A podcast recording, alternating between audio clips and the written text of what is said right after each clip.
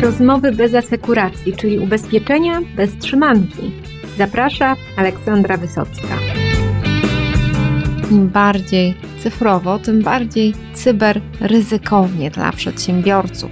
Jak zwiększyć bezpieczeństwo pracując zdalnie i hybrydowo? Jak zareagować na incydent? Czy lepiej powiedzieć o nim ubezpieczycielowi, czy może zamieść pod dywan i liczyć na niższą składkę. No i co może zrobić broker, żeby klient szybko dostał adekwatną do ryzyka ofertę ubezpieczeniową? O tym w podcaście Rozmowy bez asekuracji mówi mój dzisiejszy gość Michał Choda, starszy underwriter z PZU specjalizujący się właśnie w ryzykach cyber.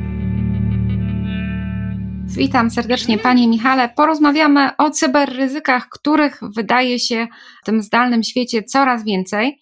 Jak to wygląda u polskich e, przedsiębiorców? Na co powinni w tym obszarze szczególnie uważać, biorąc pod uwagę, że tak dużo procesów u nich przebiega zdalnie?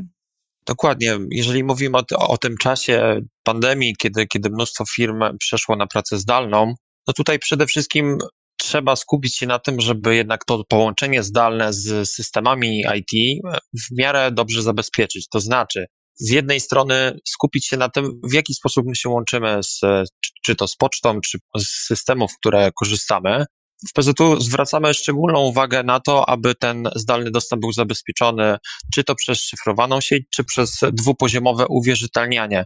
Bardzo często o tym mówimy i, i sprawdzamy to w, w trakcie, kiedy przeprowadzamy taką ocenę ryzyka.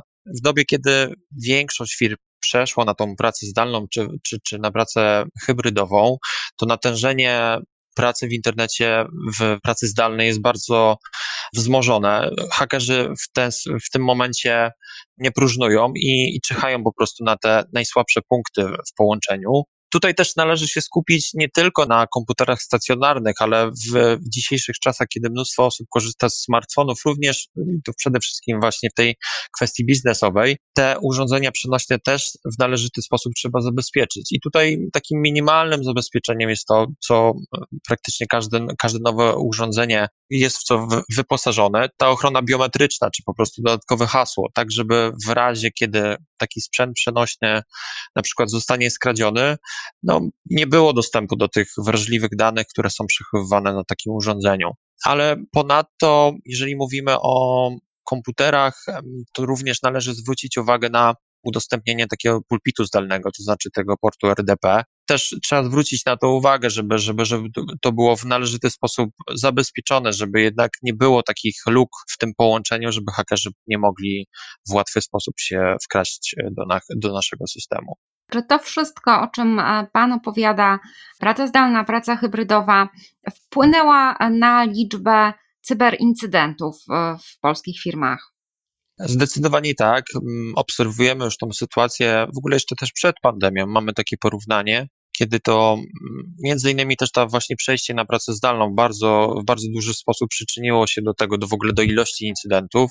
Obserwujemy znaczny wzrost zarówno samych incydentów, ale też i szkód cyber. Tutaj, no niestety, pandemia bardzo wzmożyła ten ruch w internecie, co spowodowało, że tych incydentów jest coraz więcej.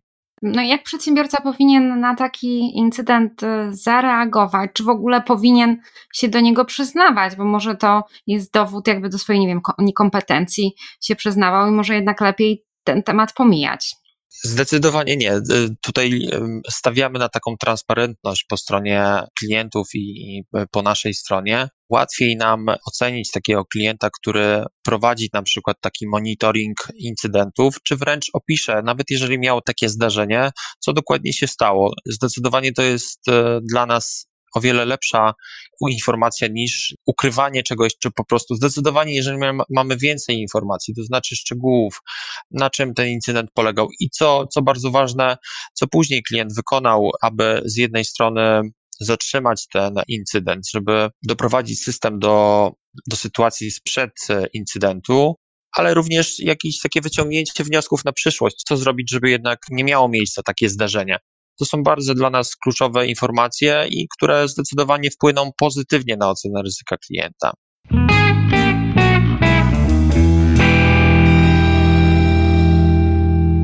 Pomówmy troszkę o roli brokera, który no, coraz częściej pomaga firmom w zapewnieniu ochrony również e, tej cybernetycznej. Na co broker powinien zwrócić uwagę, jeżeli przygotowuje takie zapytanie? Jakie dane musi tam uwzględnić?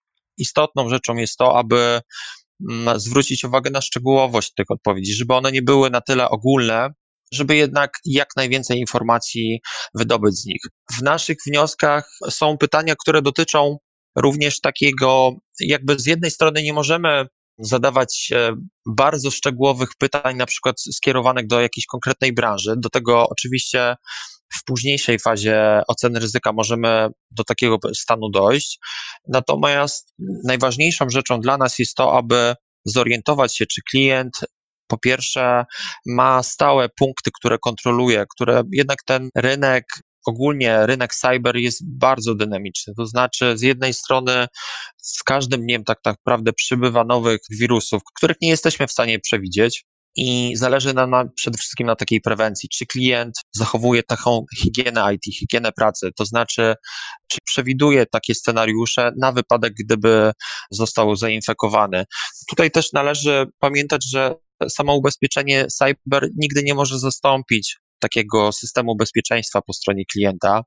Klient musi mieć świadomość, że ubezpieczenie cyber może tylko wspomóc w razie dojścia do takiej krytycznej sytuacji. Po to tutaj jesteśmy też, żeby przejść przez ten proces incydentu w jak najkrótszym czasie, ale jednak no, to nie, nigdy nie może być substytut.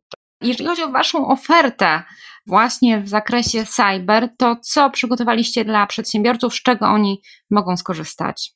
Najbardziej istotną z, z punktu widzenia klienta jest to, że klient ma dostęp do assistance, to znaczy w razie wypadku, w razie incydentu, może klient skorzystać z infolinii 24 na dobę, 7 dni w tygodniu, w której ma dostęp do incydent managera. To jest osoba, która z jednej strony na początku sprawdzi, co dokładnie wydarzyło się po stronie klienta, z jakim atakiem między innymi mamy do czynienia i przeprowadzi proces, ustali proces planu na przyszłość, to znaczy jak z tej kryzysowej sytuacji wyjść, jakie też kroki należy wykonać, aby doprowadzić system klienta do czasu sprzed szkody.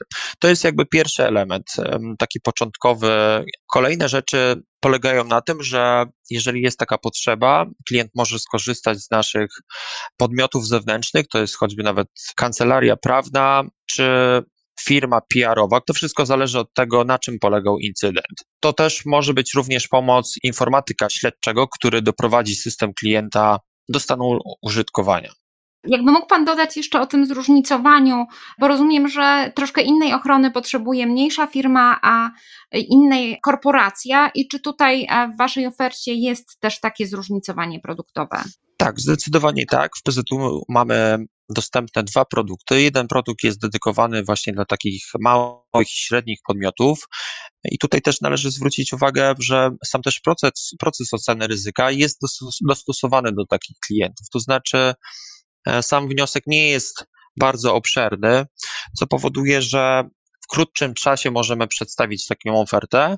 Ona jest jakby dostosowana do potrzeb, to znaczy skupiamy się tutaj przede wszystkim właśnie na tym assistance i kolejnym etapem jest, kolejnym elementem tej oferty jest e, ta ochrona OC, czyli wszelkiego rodzaju roszczenia, które spływają, mogą spłynąć do klienta i ta część odtworzenia danych, nazwijmy to ta część e, bliżej majątku klienta, kiedy doprowadzamy do odtworzenia, odszyfrowania danych klienta. Dla tych największych podmiotów, w szczególności dla tych klientów e, infrastruktury krytycznej, mamy przygotowany produkt duży, który składa się z pewnych elementów, które można rozbudować.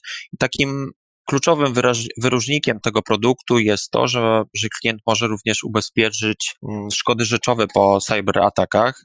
Jest to coś unikalnego na rynku polskim. Oprócz tego w tym dużym produkcie czymś wyróżniającym jest to, że możemy też również ubezpieczyć e, tak zwaną kradzież, czyli wszelkiego rodzaju nieuczciwe transfery elektroniczne. Jeszcze raz chciałbym e, powtórzyć, że e, pamiętajmy, że ubezpieczenie cyber nigdy nie może zastąpić systemu bezpieczeństwa klienta. Ochrona ubezpieczeniowa wspiera w razie krytycznej sytuacji, ale nigdy nie może być takim substytutem polityki bezpieczeństwa cyber u danego klienta.